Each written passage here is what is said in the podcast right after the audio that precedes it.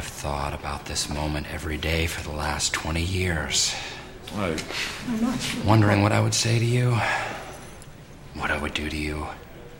And if this was a week ago, I would have attacked you all like a fierce wolverine. I'm glad it wasn't last week then, I suppose. Pulled the skin from your faces and treated myself to some human carpaccio or face jerky.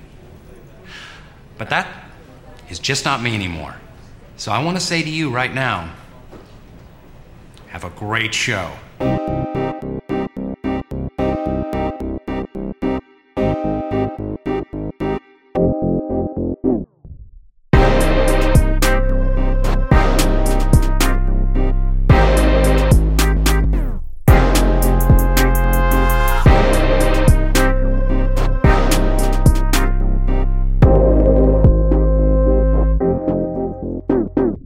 Velkommen til 33. episode af I Kassen Talks. Mit navn er David Bjerre, og det her det er jo showet, hvor vi laver ting, der ikke er deciderede filmanmeldelser. Eller det vil sige, øh, det tror jeg i hvert fald, det er det, vi gør i den her slags shows, fordi jeg kan dårligt huske det. Det er over 300 dage siden, vi lavede det forrige i Kassen Talk Show. Øh, sådan er det bare. Altså ja, og det var i slutningen af øh, 2022-2023 Oscar-sæsonen. Da vi rappede den op, så, så sagde jeg sikkert noget i retning af, øh, vi er snart tilbage med nyt i Kassen Talk Show. Øh, det var vi ikke. så fidusen er, som jeg nævnte i den sidste anmeldelse, jeg lavede i 2023, jeg har ikke rigtig haft lyst til at lave i kassen talks. Jeg har været mere i humør til at lave anmeldelser. Og øh, så har jeg heller ikke rigtig haft tid til at lave i kassen talks, fordi det tager lang tid at lave og forberede de her øh, halvanden til to times monster shows, hvor jeg, hvor jeg ganske vist bare skal sidde og, og, og snakke ud af måsen, men, men der skal stadig findes lydklip og øh, laves programmer og alt muligt. Ja, det, det tager længere tid, end man måske umiddelbart skulle tro. Sådan er det. Men øh, fidusen er, nu har vi jo startet på et nyt år, 2024, og det betyder, at vi skal gøre status over de film, vi har set i det forrige år. Og så synes jeg ikke rigtigt, der var nogen vej udenom. Så blev vi simpelthen nødt til at have gang i, i kassen Talks igen, så vi kunne øh, gennemgå øh, filmåret. Fordi det her, det er nemlig den fjerde årlige gennemgang af mine top-bottom lister for, øh, for forrige filmår. De bedste og de dårligste filmoplevelser, jeg havde i 2023. Så det er det, vi kaster os over nu. Det er det eneste, der er på programmet i dag, så det skulle nok være til at overskue. Øh, men, øhm, men før vi kaster os over listerne, så skal vi selvfølgelig have fat i noget andet sjovt, der også har at gøre med øh, det forrige filmår, nemlig The Stats, de rå tal. Filmåret 2023 i rene numeriske værdier. What? I got no way to elegantly segue into this, so I'm just gonna launch in. Segue into what? Som altid, så lægger jeg de her stats over filmåret op på min øh, blog, singlemindedmovieblog.blogspot.com. Og øh, de ligger der altid som regel 1. januar, og jeg synes, det er meget sjovt at have dem, så man kan kigge tilbage på de forrige år og se, hvad man egentlig fik set af film og serier og sådan noget, og det, det er meget sjovt at referere det til det nogle gange. Så sådan er det. Jeg tager bare lige highlightsene her, så kan man så gå på bloggen og se de, de komplette stats, hvis man har lyst til det. Sidste år, i 2023, der fik jeg set 263 film. Det er jo ikke vanvittigt imponerende, men det er stadig ikke det dårligste år, jeg har haft. Det, det dårligste år, jeg har haft, det er 2022. Der fik jeg set én film færre. men altså, øh, i min storhedstid, som jeg plejer at sige, der øh, øh sådan noget som i, i 2013 og 12, der var jeg altså over 400 film. Og, og, og det synes jeg er, det er et godt sted at være, men det er også mange film selvfølgelig. En film om dagen er, er, det, er det optimale, men øh, det når jeg altså ikke altid. Så sådan er det. Men øh, ja, to, 263, det, det er så, hvad det er. Og, og af de 263, der er det stort set halvdelen af dem, jeg så første gang. Og øh, den anden halvdel er så gensyn. Øh, nogle gange øh, bare gensyn for sjov skyld, andre gange gensyn for at anmelde dem. Det kommer jo sådan lidt an på, om jeg altså, nogle gange så, så anmelder jeg jo film første gang, jeg har set dem. Andre gange så øh, er, det, er, er det film, jeg har set flere gange før, når jeg anmelder dem. Så det, det kommer lidt an på det. Men det er i hvert fald fordelingen. Halv, halvt af hver, sådan cirka. Og... Øh, hvis vi kigger ud over fordelingen på de forskellige øh, år, så øh, i 2022, der, der havde jeg jo min store gennemgang af pre-code filmene, så altså tonsvis af film. Jeg tror, jeg tror næsten 50 film fra 50, øh, undskyld, fra 30'erne. Og, og, og det gjorde jeg altså ikke i år. Det har jeg ikke haft tid til i år, så jeg har én film fra 20'erne, jeg har seks film fra 30'erne, og ingen film fra 40'erne. Det er sådan en lille smule dårligt. Det, det, det vil jeg gerne se, om jeg kan gøre bedre i år.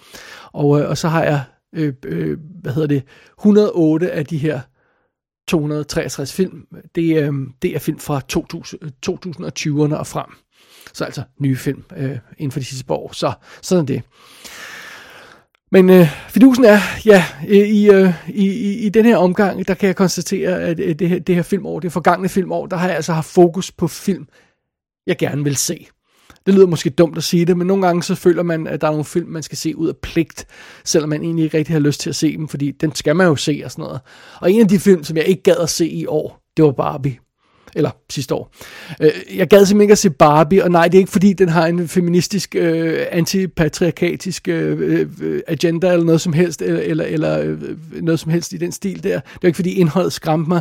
Altså, på den måde, den så bare dum ud. Barbie så dum ud. Jeg synes stadig ikke, den ser dum ud. Jeg kan ikke lide den der slags humor, der er i filmen. Det ser åndssvagt og fladpandet ud. Jeg gad ikke at se den, så jeg så den ikke. Uh, en anden ting, jeg heller ikke gad at se i, uh, i 2023, det var de her todelte film. Så jeg sprang stort set alle de todelte film over. Jeg tror faktisk, jeg sprang dem alle sammen over. Så jeg så ikke Fast X, som jo åbenbart fortsætter i Fast X Part 2, og jeg så ikke Across the Spider-Verse, fordi den får jo også en opfølger, øh, og, og hvornår det nu end er. Jeg så ikke engang Mission Impossible 7, fordi den jo altså også hedder Part 1, og selvom toren hvis nok ikke kommer til at hedde Part 2, altså åndssvagt, så, øhm, så, så, så gad jeg altså ikke den. Og, og, og øhm, jeg, har, jeg har naturligvis købt øh, Mission Impossible øh, 7 på, på 4K-skive. Jeg er jo ikke en savage, men jeg har altså ikke set den endnu. Og det er selvfølgelig også, fordi jeg er i gang med at se den oprindelige Mission Impossible-serie igennem. Så, så jeg, jeg var ikke klar til at se 7'eren endnu, så den har jeg faktisk ikke set. Og jeg gad heller ikke at se John Wick Chapter 4, men det var faktisk ikke engang, fordi det var øh, et sequel eller sådan noget på den måde. Det var simpelthen fordi, jeg følte, jeg var så langt væk fra John Wick-serien, øh, og så jeg blev nødt til at gense 1, 2 og 3, for ligesom at kunne sætte mig ned og se 4'eren ordentligt, og ja, 2 og 3 var ikke særlig gode, så, så, så, så tanken om at skulle gøre det, det, det, øh, det gjorde altså, at jeg, jeg nåede aldrig at få fanget øh, John Wick Chapter 4, så det er nogle af de ting, jeg, jeg sprang over i år, øh, og, øh, fordi jeg bare ikke havde lyst til at se dem. Sådan det. Så, men til gengæld, en af forklaringerne på også på, at jeg har den her, de her stats, som er lidt ringe, 263 film, det er altså også, at jeg har set en del tv-serier. Jeg har skruet lidt op for tv-serierne. Så jeg så 604 tv-serie-episoder sidste år fra 50 forskellige tv-serier. Og øh, jeg færdiggjorde 33 fulde sæsoner, øh, og det er så sæsoner, der, der, der varierer en længde, fordi nogle af dem kan være de britiske, der er lidt kortere og sådan noget. Men, men 33 sæsoner så jeg, og blandt andet så, så, så er jeg altså i gang med at se Mission Impossible Blu-ray-boksen igennem. Den komplette øh, af den gamle 66-serie øh, er jeg i gang med at se igennem. Og der er altså syv sæsoner, og øh, er det 170 episoder, øh, noget i stil der, og i optagen stund, der er jeg der er øh, lidt over halvvejs igennem femte sæson. Så øh, når jeg er færdig med at se den boks, så tror jeg, at jeg genser de seks første film, og så er jeg klar til syveren, om øh, Mission Impossible 7. Om jeg så vælger at anmelde syveren i kassen, når det hele er kommet igennem, om jeg anmelder tv-serien, eller hvad jeg gør, om jeg, jeg har jo anmeldt hovedparten af Mission Impossible-filmene allerede i WD's Definitive DVD podcast, og anmelde dem igen, det ved jeg ikke rigtigt, om det giver mening. Så øhm, ja, det overvejer jeg lige, hvordan det er. Men øh, sådan er det. Alright, det var altså lige ganske hurtigt sådan et view ud over mine stats for, for sidste år, og igen gå på bloggen, hvis man vil, vil uh, læse mere af det stof der. Alright, det er nok hælden vand ud af ørerne. Vi, uh, vi kan ikke udskyde det længere. Vi er nødt til at, at kaste os over det, som vi i virkeligheden er her for at snakke om, nemlig top-bottom listerne, de bedste og de dårligste film fra sidste år. You're actually reading your book? Sure am. I'm impressed. Who's the dude? David. I hired him to read the book to me. Then why is he rubbing your feet? Because he was late. So I started reading the book myself, and it is fantastic. These things are great. It's like TV in your head. Well, I'm happy you like reading, but I still don't get why David's rubbing your feet. I already paid the kid. I had to make him do something. Please call my mother. Harder. Jeg synes lige, jeg vil gentage en ting, som jeg sikkert har sagt tidligere, og sikkert også har sagt i forbindelse med snakken om, hvordan man laver de her lister over årets bedste og dårligste film. Øh, når, når vi laver de her lister, og når vi, når vi sætter film på de her top bottom lister, og det, det, det, det drejer sig specielt om bottom listen, øh, føler jeg i den her forbindelse, det handler ikke kun om kvalitet. Øh, det handler også om forventninger. Altså forventninger spiller ind, og, og, øh, og, og, og det handler også nogle gange om ambitioner versus slutresultatet. Altså fordi hvis man bare tog, øh, tog de dårlige film, man har set og sat på, på, øh, på bottomlisten, så ville de alle sammen være film fra The Asylum, sådan Mega Shark versus Giant Godzilla, eller sådan noget, whatever. Øh, og, og det giver heller ikke så meget mening, for de er dårlige, og man ved, de er dårlige, når man sætter sig ned og ser dem, og de ser dem, og jeg synes ikke, de lover, at de er bedre, end de er. Øh, og, og så derfor er jeg nogle gange hårdere ved film, der burde være meget bedre end, end, end, end, end de her Asylum øh, skødfilm, men, men som ikke er det. Ikke er så meget bedre, som de burde være. Så, så det, det, det er sådan, ja, det, er sådan, det, er sådan, det skal man lige have med i betragtninger, når man, når, specielt når vi snakker om de her bottomlister. Så i den forbindelse, lad mig lige hive fat i et par bobler, et par ting, der ikke nåede ind på top, øh, øh bottom 10 listen, lad mig sige det på den måde. Og en af dem er for eksempel Killers of the Flower Moon. Det er en bobler til min, øh, de dårligste film fra sidste år. Fordi det er ikke særlig øh, imponerende, hvad Martin Scorsese fik ud af Killers of the Flower Moon. Og, og øh, det, det mest imponerende i den film er, at man rent faktisk kastede 200 millioner dollars efter det projekt. Og, og, og det er imponerende, at Apple var det vist, der øh, gjorde det, at de gad det, og de turde gøre det, og de, godt, de formodentlig godt vidste, de ikke ville få 500 millioner dollars ind på biografindtægter på den her film, men de satsede alligevel på Scorsese. Imponerende nok. Øh, men jeg er meget skuffet over, at, at øh, den er fremragende bog, Øh, der ligger bag, og den her vigtige historie, den ikke bliver fortalt bedre, end den gør i Killers of the Flower Moon. Og jeg har faktisk snakket med en del folk, der har hørt min anmeldelse og vendt tilbage og sagt, øh, at de faktisk var enige i mange af de ting, jeg sagde, fordi øh, og, og nogle af dem har sagt, at, at, at de, de ikke kunne sætte fingeren på, hvad, hvad det var, der var galt med filmen, og, og, og, og ja, alt med det, så det, det synes jeg er super fedt. Men jeg var altså ikke glad for Killers of Flower Moon. Ikke så skuffet, at den havner på min øh, 10 værste filmliste, men, øh, men, men den er altså på boblerlisten. En anden film, der også er på boblerlisten, det er Evil Dead Rise, fordi den var bare skød. Den kunne slet, slet, slet, slet ikke leve op til 2013 uh, øh, Evil Dead rebootet, som den jo et eller andet sted følger op på. Øhm, virkelig, virkelig kedelig handling, og virkelig, virkelig øh, skød ting, vi har set før. Den, den, den fungerede slet ikke. Det, det virkelig, virkelig dårlig film. Evil Dead Rise er, er, hedder den. Ja, den rigtige titel. Evil Dead Rise. Vi kalder den Rise of the Evil Dead, men det hedder Evil Dead Rise. Sådan er det. Så den er også en bobler. Og endnu en bobler på min liste her, det er Dungeons and Dragons Honor Among Thieves. Der var så meget positiv snak om den film.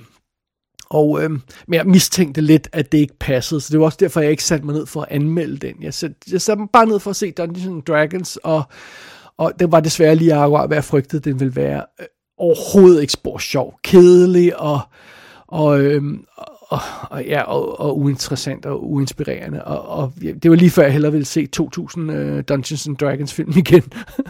Som, men det var mindst komisk dårligt. Den her, den var bare dårlig og, og kedelig. Jeg, jeg ved ikke, hvorfor folk snakker så godt om den.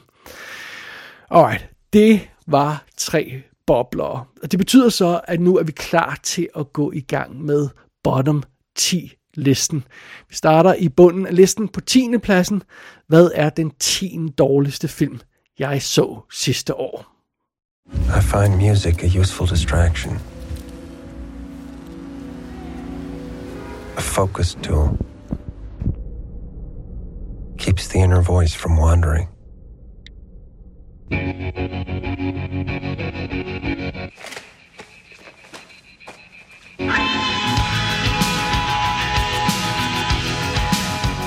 My process is purely logistical, narrowly focused by design.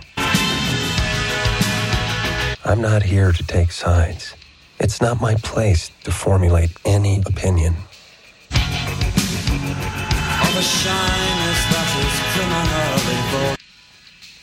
No one who can afford me needs to waste time winning me to some cause.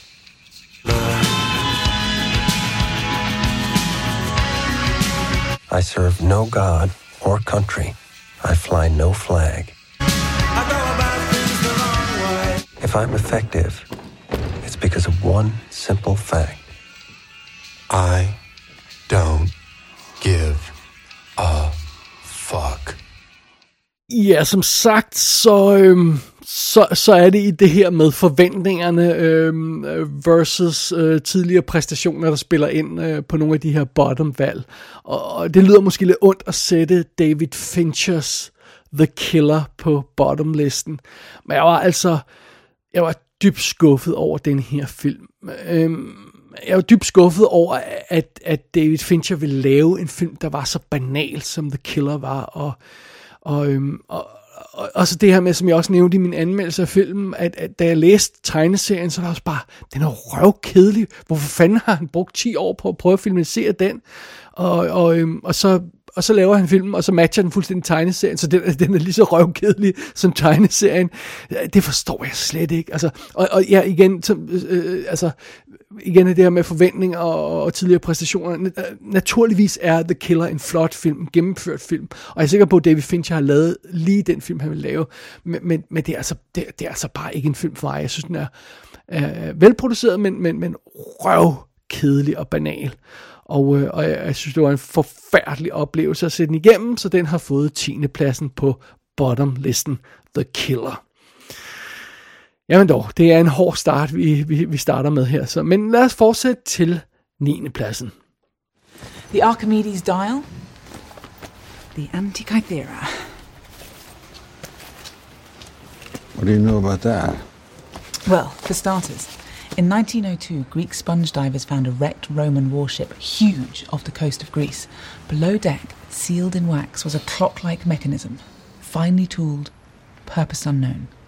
Nothing approximating its complexity appears in the world for a thousand years. You've done your homework. Well, not me, Dad. He had all these journals, reams of notes about it. He was obsessed till the end. Told me you found it on a Nazi plunder train. And then lost it in a river in the French Alps. På 9. pladsen har vi Indiana Jones and the Dial of Destiny. Og det mest chokerende ved den her femte Indiana Jones film, det er, hvor lidt jeg har lyst til at gense den. Det gik faktisk op for mig, øh, efter jeg havde anmeldt den, og, og jeg, jeg prøvede sådan at være lidt positiv over anmeldelsen, og øh, der, der, der, var nogle, der var nogle gode ting ved filmen, og det var godt at se Harrison Ford igen, men, men det gik faktisk op for mig efterfølgende, at jeg overhovedet ikke havde lyst til at gense den. Jeg havde mere lyst til at, og, øh, at gense den forfærdelige øh, fire, så, simpelthen fordi jeg hele tiden bliver at fortælle mig selv, ah, det, det kan godt være, at den var okay alligevel. Måske man skulle gense den, men, men, men, men, men, men, men femmeren her, ej, føj, det var altså ikke god. Og, og, øhm, og en af de ting, der også virkelig har gjort mig endnu mere sur på den, det er, det er den der, det der med, at jeg havde den der fornemmelse af, at der, der var så meget i Indiana Jones 5, der så fake ud, og så CGI fake ud. Og det er selvfølgelig noget, man sådan slynger ud nogle gange, og nogle gange så er det sådan lidt mere eller mindre passende, men, men der har jo så efterfølgende, siden filmen har premiere, så er der jo en, enormt mange af de her øh, effektstudier, der har arbejdet for filmen, og der er jo tonsvis af effektstudier, der har arbejdet på den her film. Øh, de har fået lov til at øh, release de her, øh, de her effect reels, hvor de, hvor de samler deres effektarbejde på en film, og viser, hvad for nogle ting, de har lavet. De viser før og efterskud, de bedste af de her reels, og der sad og gennemså nogle af de her reels, og lagde nogle screenshots ud på, på Facebook, de her før- og efterbilleder, så, så gik det op for mig, hvorfor det var hele filmen så så fake ud. Fordi der er så meget af filmen, der var fake. Helt almindelige scener, hvor Indiana Jones står i en eller anden by eller andet sted og, og snakker med en gut i, i, i en båd. Eller, det, det, det er så skudt på bluescreen. Og, og selvfølgelig ender filmen så med at se fake ud. Jeg kommenterede i anmeldelsen, jeg husker noget, noget med, at, at det ikke synes som om, de er ude at sejle. Og nej, ganske rigtigt, så er den der båd, de er i, den, den er også bluescreenet. Men det, også det der med at sådan almindelige scener, hvor, hvor de bare står og snakker sammen, de er altså også blue screen eller green screenet. Og, øh, og det, det, det, øh, det er bare ikke rart at se på, og det ser fake ud, og jeg forstår ikke, hvorfor de har gjort det. Det eneste, jeg kan forestille mig, grunden til at gøre det på, på film er så meget i hvert fald, det er måske det her med øh, Harrison Fords alder, og man simpelthen ikke har vil slæbe ham afsted til alle de her locations for at skyde i en dag og sådan noget.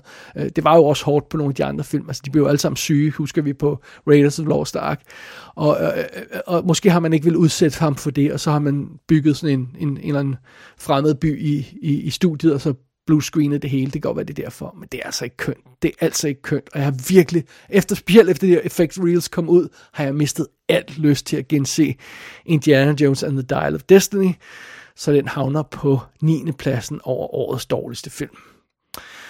Jeg skal videre til 8. pladsen. The girl. Well, let's be honest, we already know who she works for. Uh, That's right, the Charter. Strap yourselves in. Whatever. I just identified another one of their ops. They took out a terrorist cell who hijacked an oil tanker in the Panama Canal. Yeah, but who would have that kind of power? Hmm. I'm doing it again, aren't I? Yeah. Okay, fine, mock me. But it's true. Ex intelligence operatives answering only to themselves. No national allegiances, no political leanings, putting out fires their governments never allowed them to. That's. That's the charter. The most highly trained agents working together to keep peace in a turbulent world. No, that is a Saturday morning cartoon. Nobody knows about the charter because they don't exist. Pass me the vinegar. Ah, and this girl? this girl is part of it, and you know it. På 8. pladsen finder vi Heart of Stone. Og det er jo Netflix-film. Og Netflix buner efterhånden af de her film, de her egen produktioner, de her højprofilfilm, altså om det er øh, Red Notice, eller det er Mother, eller hvad fanden det er, og sådan noget, de her højprofil, The Grey Man, og hvad de hedder, som alle sammen er dårlige. Og, og jeg, jeg, jeg ved ikke, om Netflix nogensinde regner sig ud i sine egne produktioner. Altså, det gjorde Disney jo. Disney droppede nogle af de her, de har droppet en masse øh, af deres gode film og gode serier på, på Disney+, Plus, fordi de ikke ville betale licens for at have dem liggende, så de kunne blive set øh, på streaming-platformen. Øh, Men det virker ikke sådan, jeg tror ikke Netflix fjerner nogle af de her højprofilfilm. Måske er der folk, der, der ser dem, fordi de tror, de er gode. Det er de ikke. De er forfærdelige, og det er Heart of Stone også, og og, og igen til det her, som jeg også snakkede om i anmeldelsen, det her med Gal Gadot, som, som, som ser ud, altså ligner en filmstjerne, opfører sig som filmstjerne, og er smuk som filmstjerne, men er hun rent faktisk en filmstjerne? I'm not sure, og, og jeg bliver mere og mere i tvivl, når jeg ser en film som, som Heart of Stone. Den, den var, den var, det var, det var bare dum og pointeløs og, og kedelig at se på. Så ja, den havner på 8. pladsen. Lad os ikke spille mere tid på den, og så bare gå videre til 7. pladsen. I've got blood on my hands. It's the blood of Batman. We did what we had to. Is that what you tell yourself? You're a liar. I'm not the liar here. I told you things I've never told anyone. It was all true. Not all of it. Okay, one lie about my job. I really ate it up too, didn't I? Especially that sob story about your coworker that died. That is low. That was actually true. Her name was Elena. And she really died? I may have killed her. What? She was an enemy agent. She worked for these guys. You said she was a coworker. She was, in a loose sense. See, this is what I'm talking about. It's just lies and lies it's and more no lies. lies and more lies. It's the sub-lie of the first original lie. You're unbelievable. På syvende pladsen over årets dårligste film, der finder vi Ghosted. Endnu en skuffende streaming high profile film, der bare ikke virkede. Den her gang så var det Apple Plus, der havde den liggende, og, og, og det er jo godt for dem. Men altså, jeg var lige ved at sige, at der skal meget til at få mig til at have en Anna de Armas film, fordi hun er øh, forfærdeligt cute. Jeg skulle lige til at sige det, måske gik det op for mig, at nej, det er det åbenbart ikke, fordi hun er også med i The Grey Man, og hun er også med i Blonde, og de er alle sammen streamingfilm, begge de to er Netflix-film, og de er også forfærdelige, så nej, det skal åbenbart ikke særlig meget øh, øh til for at, for at få mig til at have en film med Anna de Armas, man skal bare lave en streamingfilm med hende, så, så er den forfærdelig. Øh, altså, hun er så cool, og hun er så, så cute, og vi elsker hende i Blade Runner 2049, og hun, hun skal have en bedre film at, at være med i, og den her Ghosted var, var ikke sådan en film. Forfærdelig, den fungerede bare ikke. Chris Evans var fuldstændig miscastet i den film der, det var, det var, det var ikke godt. Så ja, Ghosted havner på syvende pladsen. Det bringer os videre til 6. pladsen. The fuck happened to you? A lot. Did you get the coke? A little. The bear ate most of it. What? The bear. It fucking did cocaine. A fucking.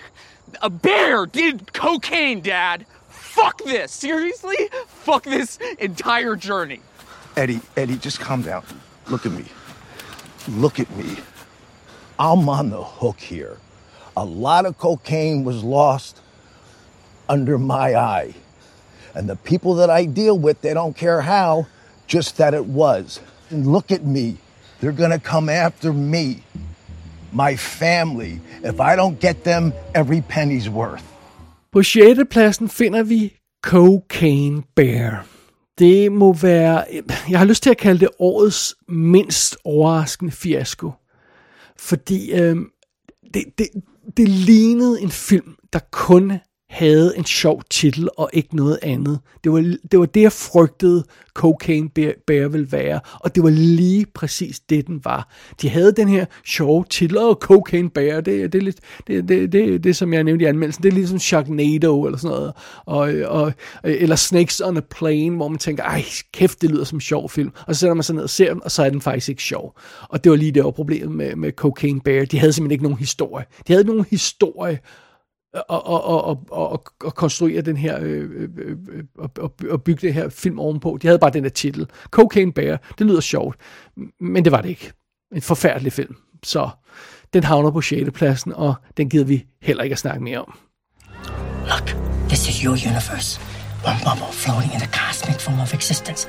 Every surrounding bubble has slight variations, but the further away you get from your universe, the bigger the differences. This is where I am from. The Alphaverse. The first universe to make contact with the others. You can call me Alpha Wayman. In this world, you were a brilliant woman. In your search to prove the existence of other universes, you discovered a way to temporarily link your consciousness to another version of yourself, accessing all of the memories, the skills, even their emotions. Like you with the fanny pack? Exactly. It's called verse jumping. I need you to learn how to do it right now. Right now? It may be your only chance of getting out of here alive. På femtepladsen over årets dårligste film, der har vi en film, jeg ikke har anmeldt her i kassen. Everything, Everywhere, All at Once. Årets store Oscar-vinder, der var forfærdelig. Og lad mig lige understrege en ting. Jeg synes, det er fantastisk, at den her film vandt Oscars. Og jeg synes, det er fantastisk, at der er en masse folk, der elsker den. Og jeg synes, det er fantastisk, at uh, Ki Hai Kwang, Ki Hi Kwang, hvordan man siger det, han fik en chance til at fik en ny karriere.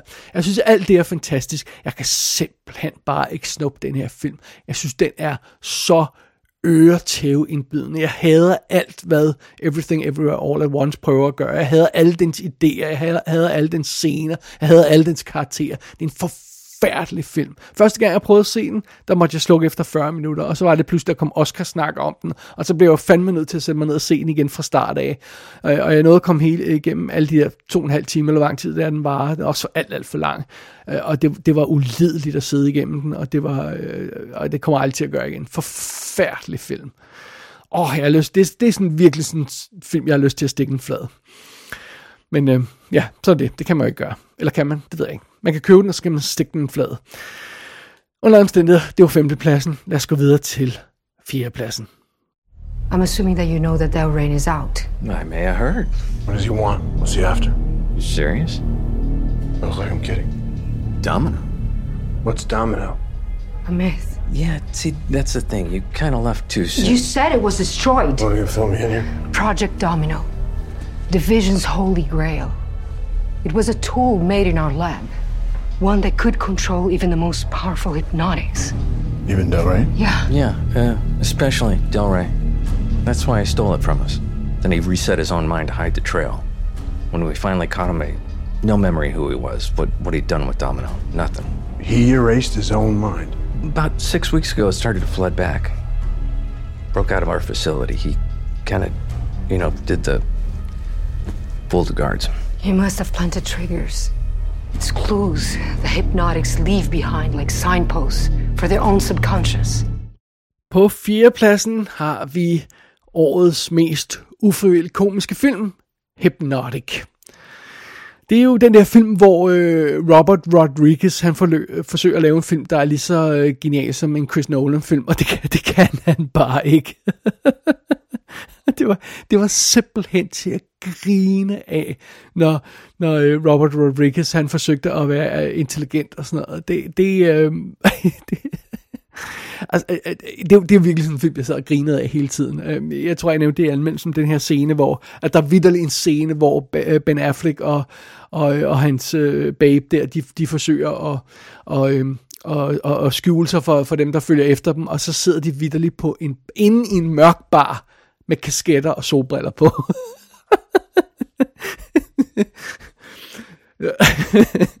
altså, det, det, det var det første, man ville kigge på, hvis man trådte ind i den her bar. Til, hvad, hvem fanden er de der folk, der sidder med, med, med kæmpe solbriller på indendørs?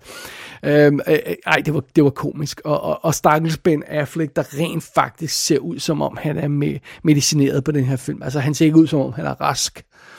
Øhm, øh, det, det er ikke skide godt. Det, Hypnotic, den, den øhm, altså, ja, måske kan man godt få noget ud af filmen, hvis man sætter sig ned for at grine af den, men ellers skal man holde sig langt væk fra den film, og så øh, bare se Inception eller Memento eller sådan noget igen.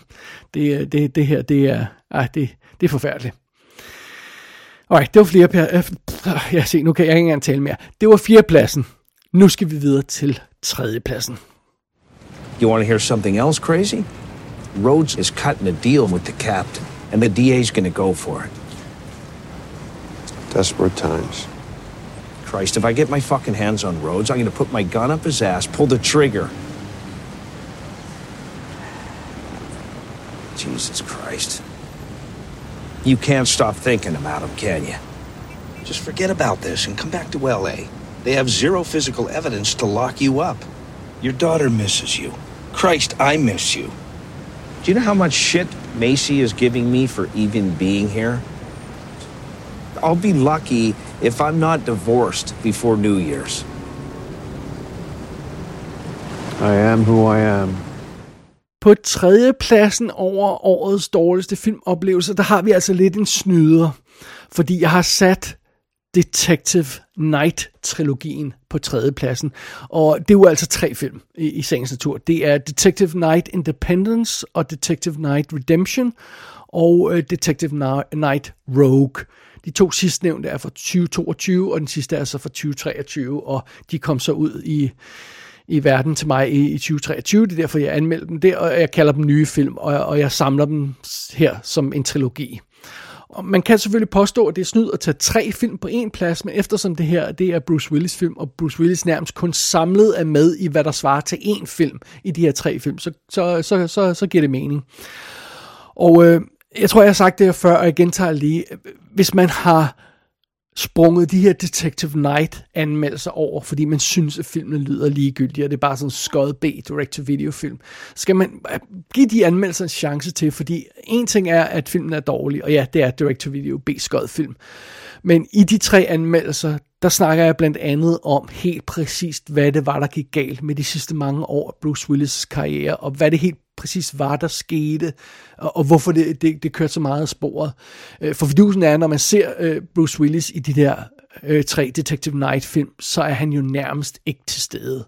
Han ser ikke ud, som om han forstår, hvor han er.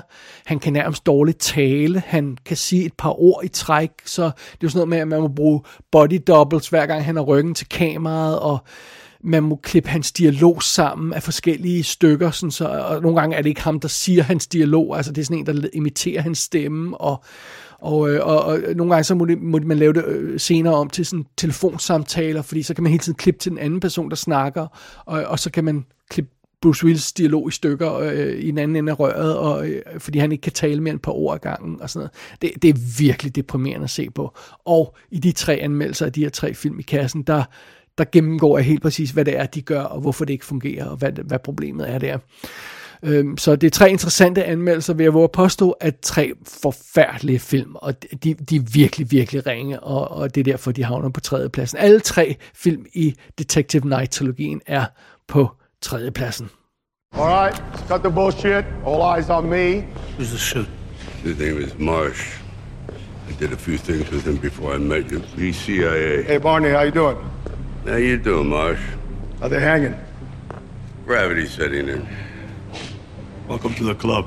As much as I would like to exchange pleasantries with you guys, there's a pressing matter at hand. Meet Suharto Ramat, former British national turned arms dealer. He has his own private army, and he's been hired to steal some detonators for nuclear missiles for a very dangerous client. Word on the street is, client's name is Ocelot. Hmm.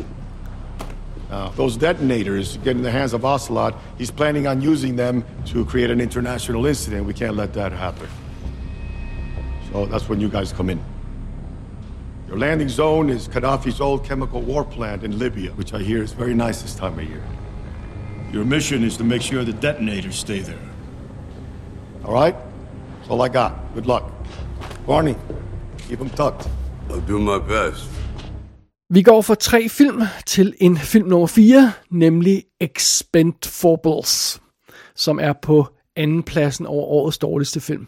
Den fire Expendables film, som jeg har det der irriterende firtal i midten, øh, det var bare skøjet. Altså, øh, træerne var selvfølgelig også skøjet, så, så man kunne ikke forvente så meget mere af firen, men, men der skulle ikke være vejen for at lave en, en fed fire, altså. Men det gad de altså ikke.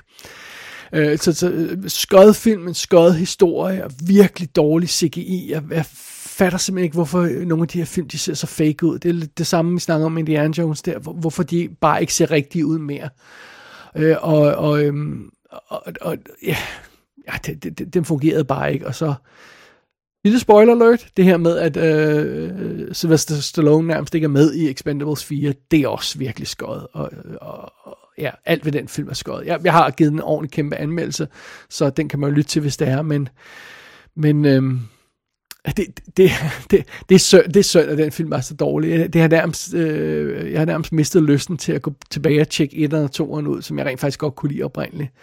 Øh, og det, det er jo ikke meningen. Alright, det var andenpladsen, så det betyder, at vi nu er nået frem ved førstepladsen. Årets dårligste film, jeg så i 2023. Hvad kan det være? Can you tell your dad how long you've been gone? How long? Why do you keep asking me that? It's important. Why do you keep asking? It sounds like she wants to. Angela, just tell your father the same thing you told me. How long do you think you were gone? I don't know. A few hours?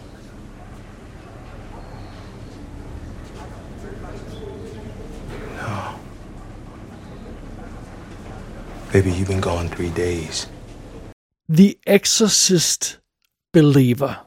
Det er 2023's dårligste film. Og, øhm, øh, og det er igen det her med forventninger og ambitioner versus slutresultatet. Øh, øh, fordi det her, det er ikke bare en dårlig film. Det er også en af de film, jeg er mest sur på, fordi øh, den er gennemført ringe, ja, det er den, men det er så en ting. Noget andet er, at den rent faktisk fucker med en klassiker. Og, og, og, og, øhm, øh, og det, det er jo det her med, at øh, øh, der, altså, en ting er, at um, uh, Expendables 4, den, er, den var skød, og, og måske kan man godt lave en god femmer. Uh, who cares? Uh, uh, den ene er god, den anden er dårlig, det går nok alt sammen. Men en film som The Exorcist Believer, der er skød, den er ikke bare skød for sig selv, den begynder også at række tilbage i historien og ødelægge noget ved den første film den, altså, ikke bare det der med, at når den, man, man mister måske lidt lysten til at se den første film, som jeg gjorde på Expendables. Nej, Exorcist Believer ødelægger simpelthen noget ved den oprindelige eksorcist, eller prøver i hvert fald at gøre det, ved at tage en af de karakterer og bringe dem tilbage på en skød måde. Og, og det synes jeg er utilgiveligt. Jeg, jeg tror ikke, jeg vil lade filmen ødelægge den oprindelige The Exorcist, for der er fremragende, og det træer jo også. Men, men den prøver rent faktisk at, at, at retconne noget, noget fuckery på den oprindelige film, og det, det, det er utilgiveligt. Øh, og, og og det er jo meget sjovt, fordi at, de, de lavede det her stort anlagte relaunch af The Exorcist, og det starter med The Exorcist Believer, og så skulle, skulle det fortsætte i en ny trilogi. Og, og det er nærmest nogle få dage siden fra optagende stund her, at det blev offentliggjort, at David Gordon Green, som instruerede uh, Exorcist Believer, han kommer ikke til at lave toren. Fordi han har, han har scheduling conflicts, ja, yeah, sure, yeah right, han har scheduling conflicts. Selvfølgelig har han ikke scheduling conflicts. Han fuckede etteren totalt op, og selskabet bag filmen. Jeg kan huske, er det øh, Blumhouse, eller hvad fanden det er, der, der, der har købt rettigheden, øh, hvem det var. Det er også lige meget. Men selskabet bag filmen, de er jo gået i total panik, fordi de gav jo 400 millioner dollars for rettigheden til at lave nye Exorcist-film. Og hele den investering er ved at blive tabt på gulvet, fordi den her film Believer var så ringe. Så øh, de sparker ham ud, og så sætter de et nyt team på. Og hvem ved, måske kan de redde, måske kan de redde franchisen. Øh, så længe man får sparket David Gordon Green ud og, og hans manuskriptforfatter, så, så er der i hvert fald en chance for det. Så øh, det, er jo, det, er jo, det, er jo, det er jo noget af en udfordring, de står overfor. Men altså, jeg, jeg er bestemt klar til at, at, at, at se næste Exorcist-film, øh, specielt hvis der er et nyt team på. Det, det, det kan være, at øh, skuden kan vendes. Det får vi at se. Jeg tror ikke, det bliver i 2024. Det kan godt være, det først bliver 25. Må vi se. Så det er, det er simpelthen min første plads på årets dårligste film. Top, top bottom listen over årets dårligste film. Ja, simpelthen. Men, men, men, øh, men, men nu har vi snakket nok om dem. Og, og hovedparten af de her film er jo trods alt anmeldt også i kassen, så kan man gå tilbage og lytte til fulde anmeldelser af dem. Så nok snak om skodfilmene. Nu er det tid til at snakke om topfilmen. Toppen af poppen. De bedste film, jeg så sidste år. It was a full pack of cigarettes sort of night. I don't know what possessed me. Who knows what possesses mad, compulsive people to perform mad, compulsive acts? I couldn't shake that feeling from this morning. Some self destructive part of me was pulling me to dark, familiar streets, into dark, familiar corners, to dark, familiar moons. What are you doing here, Dormouse? Inden vi når til selve toplisten, så skal vi da også lige have nogle bobler her til, øh, til, øh, til potentielle topliste-kandidater. Nogle af, jeg har fem bobler her, og en af dem er øh, Polite Society. Rigtig sød, charmerende lille film. Den øh, kunne jeg godt overveje at sætte på toplisten. Det samme med The Princess. Den kunne jeg slet ikke stå for. Die Hard med en, med en chick i, øh, i øh, riddertiden. Øh, øh, ah, det er fantastisk. Jeg glæder mig til at gense den film. Men den kom ikke helt op på, på top 10 niveau. Og så var der også Renfield, som jeg synes var, var virkelig sjov og en virkelig positiv overraskelse. Alternativ øh, historie om Dracula der. Den, øh, den var jeg også med, anmeldt her i kassen. Så, så den, øh, ja, det var nogle af dem, jeg overvejede. Og så overvejede jeg altså også stærkt at sætte To Catch a Killer på toplisten. Øhm, jeg var ret vild med den, men jeg synes, jeg havde nogle forbehold over for historien, som jeg også snakkede om lidt i anmeldelsen, men da jeg, så, da jeg genså filmen, så var jeg altså bare, hold kæft, den burde faktisk have været på top 10. Jeg sad og genså den for nylig. Den er virkelig fremragende. To Catch a Killer med, med Shailene Woodley. Så ja, okay, så den er lige oppe i nærheden af, to, øh, af bunden af toppen. En anden film, der også er lige oppe i nærheden af bunden af toppen, det er Dormouse som jeg ikke har fået genset. Jeg har fået erhvervet mig Blu-ray, som jeg tror, jeg snakker om i anmeldelsen, og jeg synes, det var lidt besværligt, og jeg glæder mig virkelig til at gense den. Den er meget, meget tæt på at nå toppen, fordi den var super cool. Dormouse. Ja, alright. Det var boblerne. Lad os kaste os over selve listen. You know, we gotta just... We gotta take a stand. We do. We do.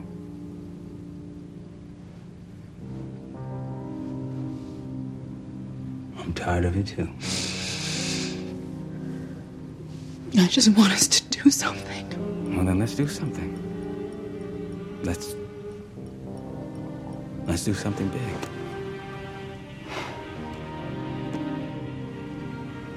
What if we do a post?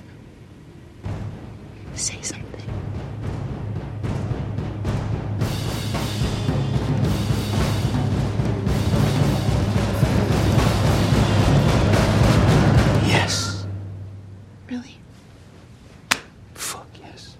Yes, let's uh, let's make a post. Okay. Make your post. Yes. På 10. pladsen over mine bedste filmoplevelser for sidste år, der har jeg en film, som jeg ikke har anmeldt i kassen, og øh, det er der en grund til, og dem er der faktisk en par, et par af her på listen, og det er, det er næsten alle sammen samme grund til, at øh, jeg ikke har anmeldt dem i, i kassen, og det er simpelthen fordi, øh, der er nogle film, der bare er svære at snakke om, uden at spoil for meget, og, der, og det, det prøver jeg selvfølgelig altid at lade være med, men, men, men nogle gange kan man nærmest ikke sige noget om en film, uden man har sagt for meget. Øh, man skal nærmest gå kold ind til nogle film, og det er altså tilfældet med et par af filmene her på, på, på toplisten. Og, øhm, og, og, og, øh, og det, det er også tilfældet her på, på 10. pladsen, hvor vi har A Lot of Nothing. Og jeg har skrevet en lille, helt spoilerfri anmeldelse af den på bloggen, hvor jeg lige riser op, hvad det er, øh, den handler om. Så øh, øh det kan jeg godt lige gentage her ganske kort. Det handler simpelthen om et, øh, et succesfuldt sort par, der opdager, at deres hvide nabo muligvis er den politimand, der netop har skudt en sort knægt. Og så beslutter de sig for at gøre noget ved det. Og, og, og fidusen er, at man skal nærmest ikke vide mere om, hvad der sker i filmen, fordi det, det er sådan en, en, en intens drama, der bare hele tiden skruer op for, for, øh, for panikken og sådan noget. Øh, og, og, og, og, og, og et virkelig en spændende historie som thriller, men derudover så er der også bare super mange lag i den historie om, om øh, om sortes oplevelser af at være i USA, et moderne amerikansk samfund, og hvordan de bliver behandlet af, af, af hvide mennesker, og hvordan, hvordan de bliver behandlet af myndighederne, og hvordan man kigger på dem, og specielt hvis de er succesfulde, som, som, som de her to karakterer er i den her film, og, og, og, og alle deres traumer over og, og, og deres behandling og sådan noget. Der, der er simpelthen så meget i den film, A Lot of Nothing, der er super fedt, og vil være super fedt at snakke om, men jeg føler ikke rigtigt, man kan snakke om film uden at ødelægge for meget af den. Så lad mig bare komme med den anbefaling. Der er en grund til, at den havner på 10. pladsen over årets bedste film, sidste års bedste film. A Lot of Nothing er øh, well, well, har en misvisende titel, fordi den er A Lot of Something. Den, den er virkelig cool, og den er værd at tjekke ud. Og, øh, og så kan vi ikke rigtig sige mere om det. Lad os gå videre til 9. pladsen. I'm going to fake my own death. Sorry, what? It's simple. There's this potion that causes total body paralysis for hours at a time. I'll drink it, they'll find me, it'll look like I'm dead, then they'll prepare me for burial. Then, once they leave, I'll wake up. Romeo will then come out of hiding. He's at the Montague Chapel with Benvolio right now, Then he'll find me in the church, carry me off into the sunset, and we'll live happily ever after. It's foolproof. Hmm, okay. Juliet, that is quite possibly the dumbest fucking thing I've ever heard in my life. Are you kidding me? There's like 50 different ways that that could go wrong. I mean, what if the potion has side effects? What if they actually bury you? Have you thought of that? What if Romeo thinks you're really dead? I've I've sent Steve the courier to tell him. Steve the courier is an idiot. You've got to trust me. My plan is better. Let's go. Juliet, what did, what... did you drink it already? På 9. pladsen har vi Rosalind. I know, I know, det er måske lidt skørt, men jeg elsker denne her film. Hvis øh, man ikke lige har fået tjekket anmeldelsen ud af den, så lad mig lige hurtigt øh, sige, hvad den handler om. Det, det handler jo simpelthen bare om den pige, som Romeo var forelsket i, før han mødte Juliet. Og, øh, og i stedet for at følge den store romance mellem Romeo og Julie, så følger man altså hende, øh, pigen, der blev dumpet, Rosalind. Og det er virkelig fedt lavet. Udover det er en virkelig sød, charmerende sådan, øh, øh, teen ungdomsromantisk film, så er den ret clever med den måde, den sådan, øh, piller den oprindelige historie fra hinanden på, og kigger på den på en ny vinkel og sådan noget. Og, og, og et af de mest klassiske teaterstykker nogensinde, Rom med Julie, og, og, og alligevel så, så finder den en ny indgangsvinkel til det, og det kan jeg virkelig, virkelig godt lide. Og, og, øh, og, og det, ja, jeg kan slet, slet ikke stå for den film, og, og den, den er fantastisk. Og, og øh, Caitlin øh, Dever, som hun hedder, hende der spiller hovedrollen som Rosalind, hun er så fantastisk og cool at, at styre hele den her film. Så øh, den er havnet på min 9. plads. Rosalind er man dog. Det er man, er man det er ikke til at stå for. Lad os se, hvad der er på 8. pladsen.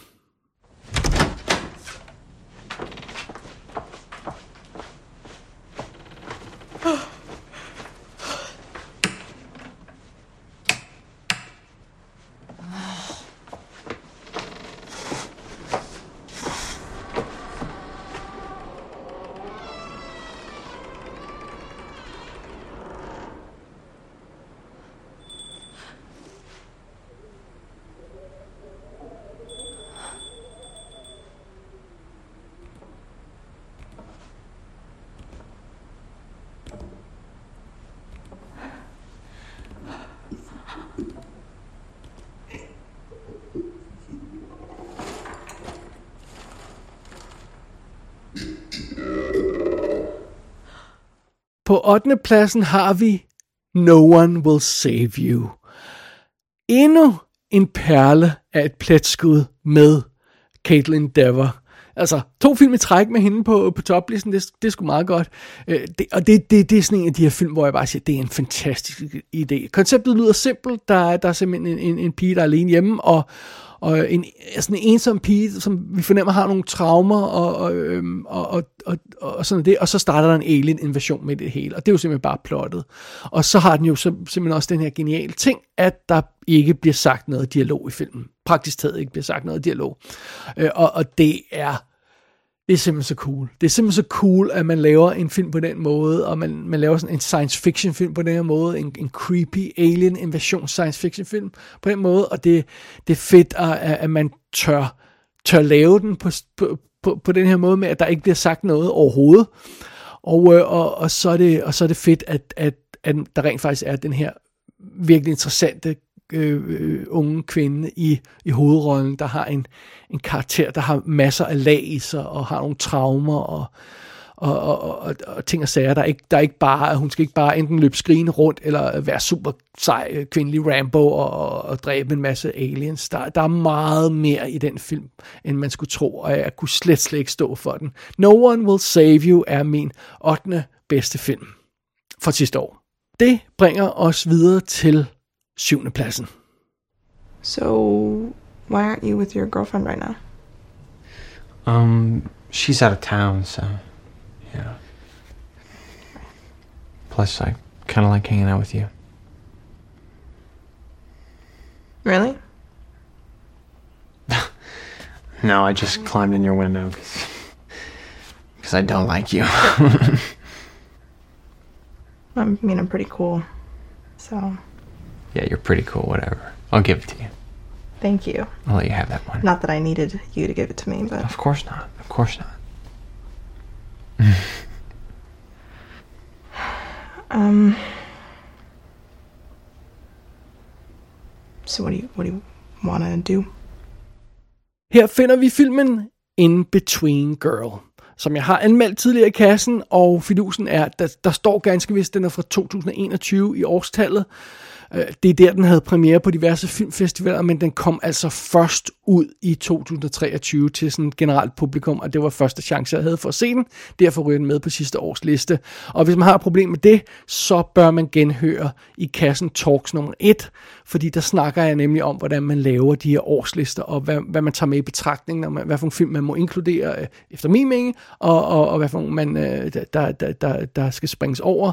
Og, og den her falder inden for rammerne, fordi den er altså først blevet tilgængelig for mig i 2023, så derfor er den med på listen. In Between Girl, en fantastisk lille indie love story, øh, basically, som jo bare handler om den her pige, der er en lille smule øh, fortabt, og, og så... Øh, så indleder hun en affære med skolens sejeste øh, fyr, øh, selvom han har en kæreste, og det er sådan en affære, de skal køre videre i, i al hemmelighed, og det, det, det plager hende efterhånden ret meget, og samtidig så styrter hele hendes familieliv i grus. Så øh, der er en masse komplikationer der. Og det er en meget lille film, den ved ikke særlig meget, men den her instruktør, øh, øh, øh Mike McKino, som har instrueret og skrevet manuskriptet, hende skal vi altså holde øje med, og hende, der spiller hovedrollen som, som, som Angie, som hedder Emma øh, Goldbraith, eller sådan noget, under efter, Hende skal vi også holde øje med. Jeg håber, hun får lov til at lave nogle flere film. Hun er virkelig, virkelig cool i, i den. Så det er en dybt charmerende, øh, rørende og, og, og, og fantastisk lille film. In Between Girl. Det var syvende pladsen. Vi går videre til sjette pladsen. 뭔데? 연료가 연료가 새고 있습니다. 어, 어, 어.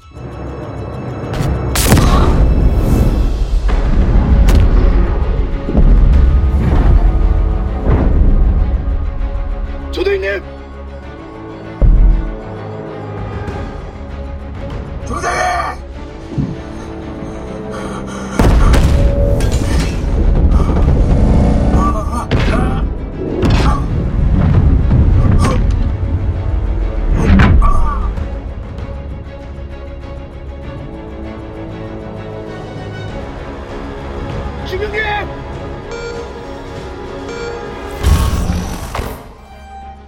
På 6. pladsen har vi en film, som jeg ikke har anmeldt endnu, men der er en anmeldelse på vej, så det her det er sådan en sneak peek på anmeldelsen.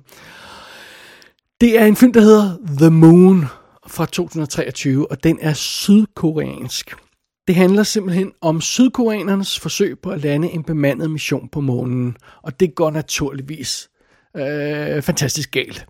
Og, og jeg elsker jo science fiction film, jeg elsker rumfilm, og jeg elsker rumkatastrofefilm, og jeg elsker også koreanske film, og den her øh, film The Moon er en blanding af alle de ting. Jeg vil ikke sige så meget mere fra den, fordi øh, øh ja, vi, man, man skal jo høre anmeldelsen, når den kommer ud snart. Men øh, jeg kan bare lige øh, løfte sløret en lille smule for det. Altså, vi snakker om, at den her film, det er sådan en blanding af The Martian og Gravity, og øh, der er elementer af sådan øh, Øh, Apollo 13, og så er der også noget vanvittige elementer, som øh, ting fra The Core og Armageddon og sådan noget stil der. Så det, det er sådan ligesom det niveau, vi er på med, med The Moon. Super cool film, som, øh, som man skal glæde sig til at høre en rigtig anmeldelse af senere. Det var på 6. pladsen. På 5. pladsen har vi en film, jeg heller ikke har anmeldt rigtigt i kassen før. I don't think you're dull. And jeez, if I was to cut something off myself for every dull person that came in here, I- I'd only have my head left. Do you think I'm dull, Jerry? No. That said, I did think the two of ye always made a funny pairing, like. No, we didn't. Yeah, you did. You did. Obviously you did. Because now he'd rather maim himself than talk to you. Colin was always more of a thinker. Huh? Why is every... I think. Ah, you don't, Porrick. You don't, Porrick. Your sister does. Your sister does, aye. Siobhan does. You're more of a... You're more of a... What is he? You're more one of life's good guys. You're more one of life's good guys, aye. Apart from when you're drunk. Apart from when you're drunk, aye.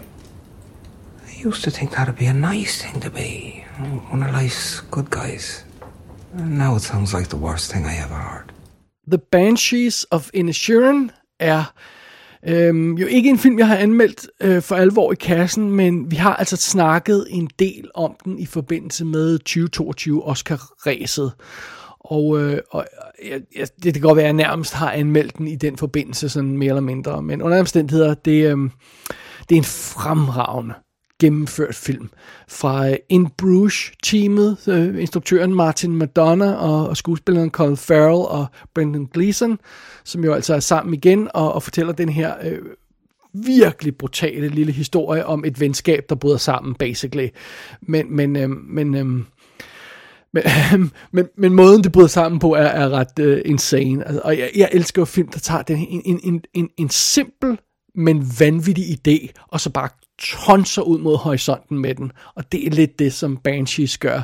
Og, og jeg forstår godt, hvis folk ikke kan klare det, fordi det er en barsk film at se. Det er ikke en film for alle, og hvis man synes, det er alt for grumt og har lyst til at slukke for den, så skal man endelig gøre det.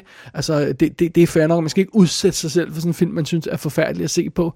Men, men hvis man kan holde ud og være i den der virkelig mørke og grumme stemning, så venter der altså en fantastisk film med, med Banshees of Inisherin. Så det er derfor, den havner på min femte plads. Den er awesome. Well, for mig i hvert fald. Vi går videre til fjerdepladsen. 我讲过对唔住，你讲句原谅好唔好？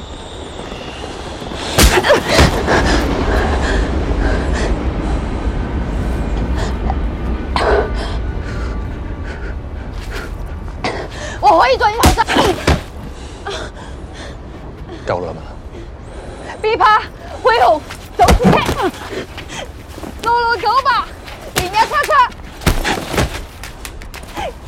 Yoksa sen bunu Sayın mı sen? Ben si Ben si Kaka Salon mu? Gökhan mı sen? Gökhan mı? Sayın mı sen? Gökhan mı bak? Dâm bộ Cậu sao vậy Cậu làm sao Tôi không muốn bên Her finder vi filmen Limbo. Og øh, det, det er jo øh, i sandheden modbydelig, men også fantastisk lille film. Det er jo basic, handler jo basically om nogle øh, politifolk i, øh, i Hongkong, der leder efter en, en, øh, en seriemorder, der, øh, øh, der, der render rundt og, og myrder i sådan slumkvarteren i, i, øh, i Hongkong, og, og det... Øh, Øh, øh, øh, der er jo noget af Seven-viben med den. Altså, den, den, det, det er det andet, altså, det, det er igen det her med en ung betjent og en ældre erfaren betjent og sådan noget, og, og den rådende store by og alt det her løjse, og, og vi har seriemorderen der og sådan noget, og men altså, jeg, jeg, jeg elsker bare film, der har den der Seven-vibe, og, det, og selvom de ligger sig lidt over bag, eller ikke ligner 100%, bare den der, lidt af den der Seven-vibe, det elsker jeg, og det har Limbo i hvert fald. Og, og jeg har så efterfølgende fået den på en virkelig cool 4K øh, stunning øh, skive fra, fra Tyskland. Og tyskerne har simpelthen sendt den ud på 4K med original øh, dialog, øh, kantonesisk dialog, og, øh, og øh, hvad hedder det, engelske tekster, og, og hele svineriet, og ligesom det skal være, og så er filmen jo altså sort-hvid, og så står den fantastisk på 4K. Så, jamen altså, det, det, det, er, det, er, det er en, et mesterværk, og det er right up my alley. Limbo værd at tjekke ud. Det var min fjerde plads. Det betyder, at vi skal op i top 3'en og have fat i tredje pladsen.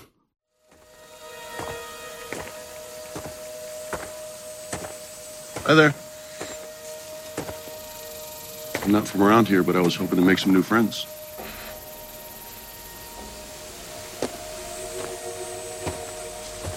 Can I talk to you for a little bit?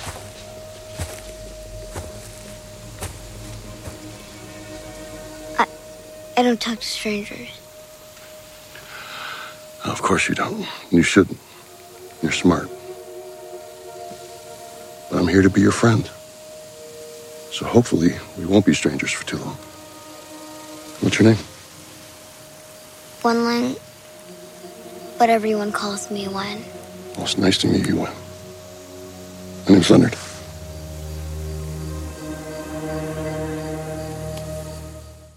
Endnu en film, vi ikke har anmeldt her i kassen. Endnu en film, man bør vide så lidt om som muligt, før man går ind og ser den. Jamen altså, Knock at the Cabin er min tredje bedste film. Det, det er det er rent faktisk den første film fra M. Night Shyamalan, der har fortjent alt den ros, som han fik for Sixth Sense, som jeg aldrig var særlig imponeret i. Øh, det her, det er bare igen sådan et, et simpelt koncept, der bare bliver bliver, bliver tonset afsted med, øh, øh, som, som, den her, så, som den her film arbejder med. Igen, hvis, hvis man ikke har set den, så, og ikke har hørt noget om den, så skal man bare sætte sig ned og se den, og, og så, så, så tro på, at det, man øh, havner et fantastisk sted. Jeg vil sige så lidt om den som muligt, så øh, andet end at... Øh, at det er selvfølgelig en super intens og, og mørk oplevelse, den her film, men, øh, men den, den er virkelig, virkelig gennemført, og den, det, det, er en, det er en smuk lille cirkel, den her film laver på den perfekte måde, og, og, øh, og, og ikke det der gotcha øh, surprise slutning, som, som Shyamalan har forsøgt at lave på alle, øh, næsten alle sine film og sådan noget. Og, og den ser vildt lækker ud, og det er bare perfekt. Og så Dave Bautista, der er med i den, han er fremragende. Altså han, igen, jeg har sagt det før, han, han, er, han er undervurderet som rent faktisk som god skuespiller. Og så er der også den her 10-årige pige, Kristen, øh, Kristen Cui hedder hun, der, der, der spiller en lille pige i filmen. Hun er altså også fremragende. Virkelig, virkelig en cool film. Knock at the Cabin. Og øh, ja, læs intet om den, bare se den. Det var min tredje plads. Lad os gå videre til anden pladsen. It is a part of our faith to forgive.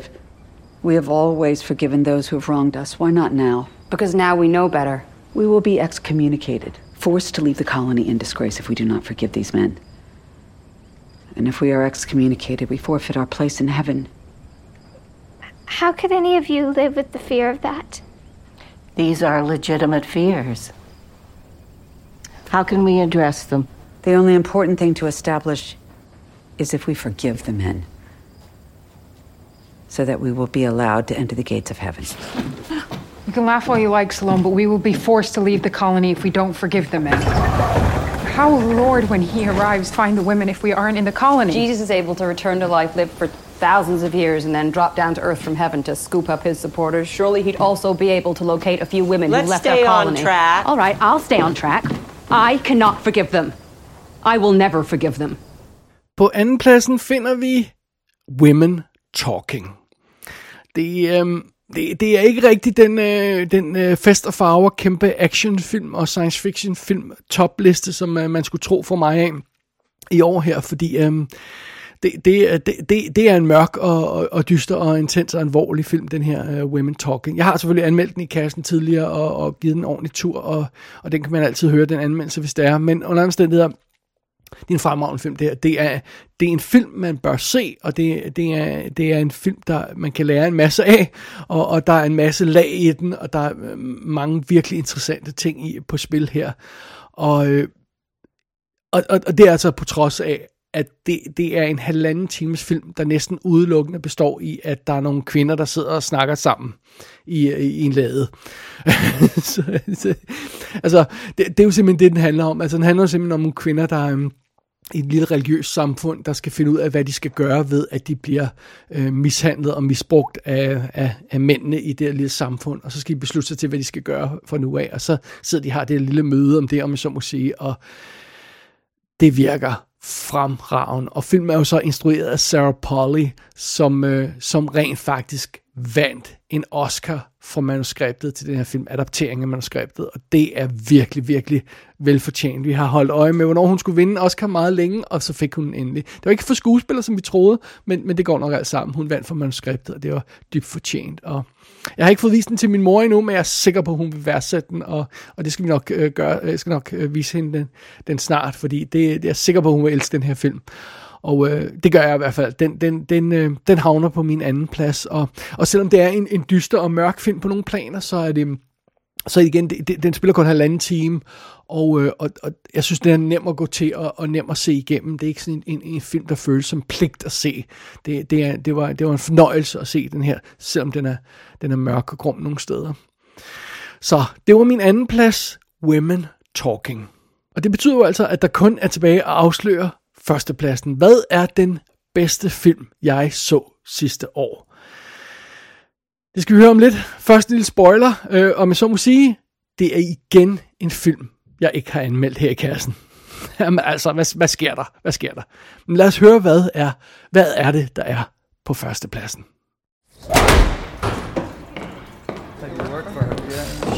This is where we live. You, wait, you actually live here, all of you? All of us. Except Chef. Yeah, well, Oof. esprit de corps, no? No, Mr. Feldman. It's very much more than that. Here we are family. Each day starts at 6 with five hours of prep work. We harvest, we ferment, we slaughter, we marinate, we liquefy, we spherify, we gel. Um, they gel. We gel. Dinner is typically four hours and 25 minutes. Each day ends at well past two in the morning, so yes, it's best that we all live here. You guys ever get burnt out or? Burned out? Yeah, sorry, sorry. Like tired of mm, doing same thing. Chef holds himself to the highest standard, and so do we. We never burn anything unless by design. To make delicious. Now, who's hungry? På førstepladsen over sidste års bedste film, der finder vi The Menu. Hvor øh, Ray Fiennes, han spiller en kok, og Anna Taylor-Joy og Nicholas Holt øh, er blandt øh, de, de gæster, der skal på den her meget fine restaurant, som den her kok står for, og, og så skal man ikke rigtig vide mere om den film. og, og det er også grunden til, at jeg ikke har anmeldt den her i kassen. Altså, man skal, men, øh, og det gør det jo svært for, øh, for en stakkels podcaster at hive øh, fat i alt for mange af de her film, man ikke skal vide noget om på forhånd, når man går ind og ser dem. men, men, men sådan er det. Altså, det, det, er jo, det, det, det, det er jo the name of the game nogle gange. Så, øh, og, og det, det her, det er igen en af de her slags, slags film, der bare tager denne her lille, simple, vanvittige idé, og så kører mod horisonten med den. Og det, det er simpelthen... Man tror måske lidt, man kan regne ud, hvor The Menu er på vej hen. Øh, men øh, det, det vil jeg våge at påstå, man ikke helt kan alligevel. det, det, det er en stor, en stor, stor overraskelse. En dybt chokerende film. Og, øh, og selvom man ved, hvad der foregår i filmen, så kan jeg afsløre, at, at øh, når man genser den, så virker den stadig. Og det er selvfølgelig øh, øh essentielt for, for en fantastisk film, at der ikke kun er én viewing i den, men altså man, det er en, man kan hive ned igen og igen. Og jeg glæder mig allerede til at gense den. Den står naturligvis på, på hylden på Blu-ray, og, og, og det er fantastisk. The Menu var sidste års bedste film. Well, i hvert fald min øh, bedste film for sidste år. Det, øh, det, det, det må jeg konstatere. Det er meget sjovt, fordi jeg havde ikke rigtig nogen anelse om, hvad for en film, der ville være på toppen af listen, fordi jeg, jeg smugkigger ikke på min liste. Jeg skriver ned i løbet af året, hvad jeg ser på film, og så giver jeg en sådan karakter fra 1 til 10 en karakter, jeg ikke ellers bruger i andre sammenhænge. Og så når jeg, når jeg, når jeg er færdig med filmåret, så tager jeg simpelthen det Excel-ark, hvor det er i, og så sorterer jeg i, i, øh, i kolonnen, der hedder karakter, og så ser jeg, hvad der er i toppen. Og øh, jeg må meget chokeret konstatere, at det var den film, jeg havde givet den, den højeste karakter. Det var The Menu. Og, øh, og, øh, og den havde jeg nærmest helt glemt, men, men fantastisk det var den. Super fantastisk. Værd at se, og, øh, og læs ikke noget om på forhånd. Det var det.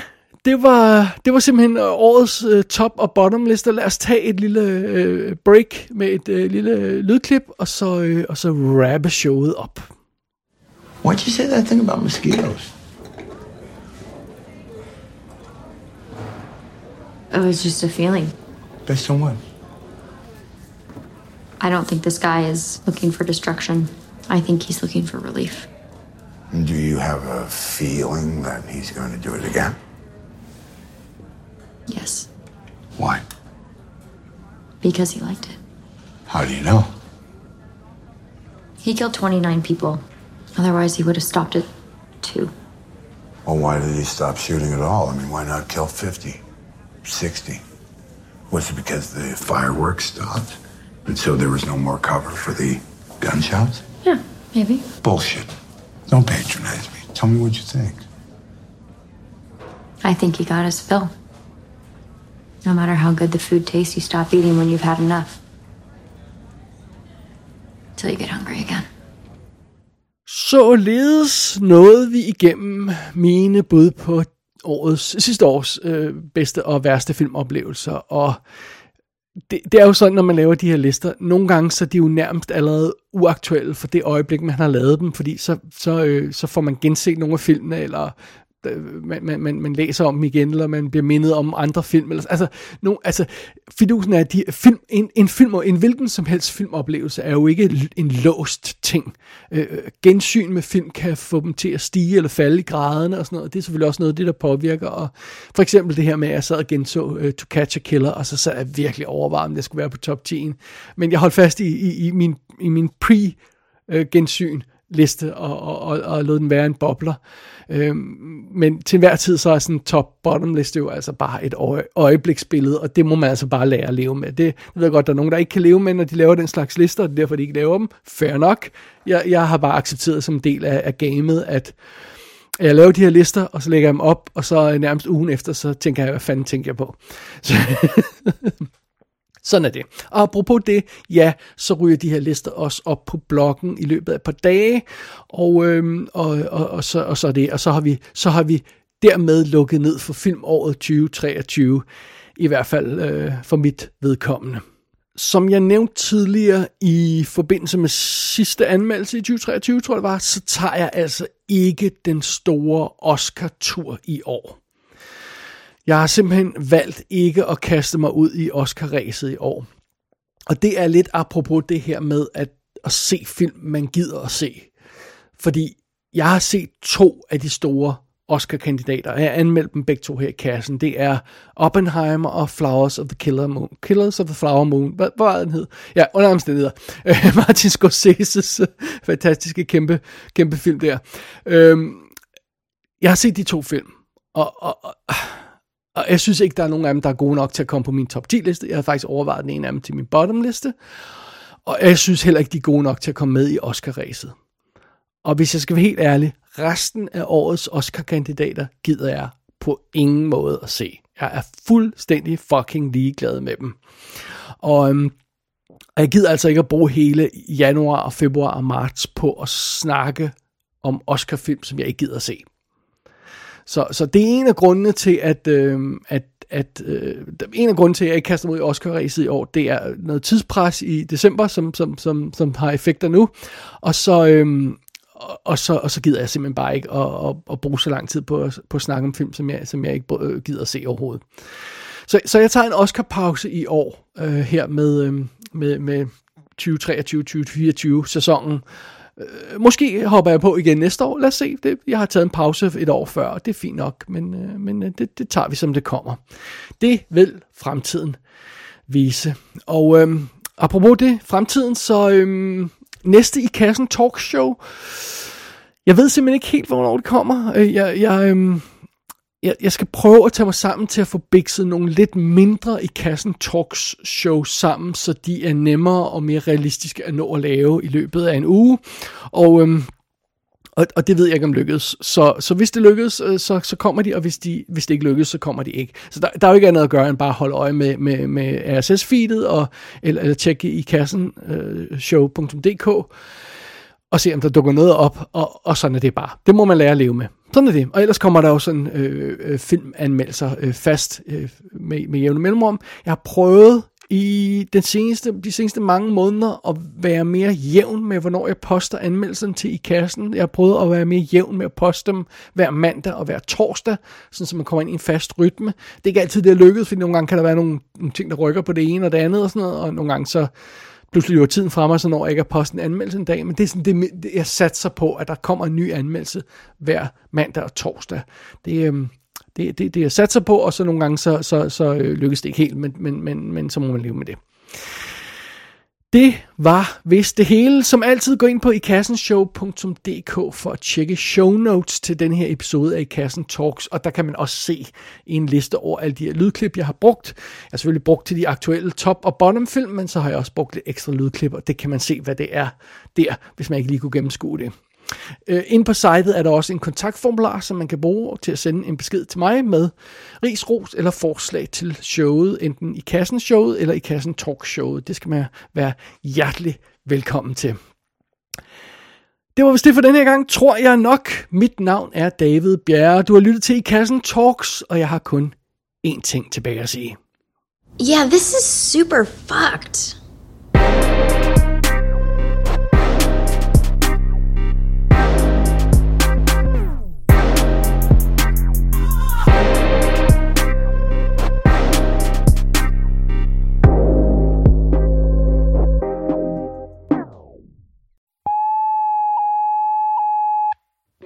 Man getting bit by an alligator and he screams. Okay, quiet. Hey, Stood out towards me. Okay, right.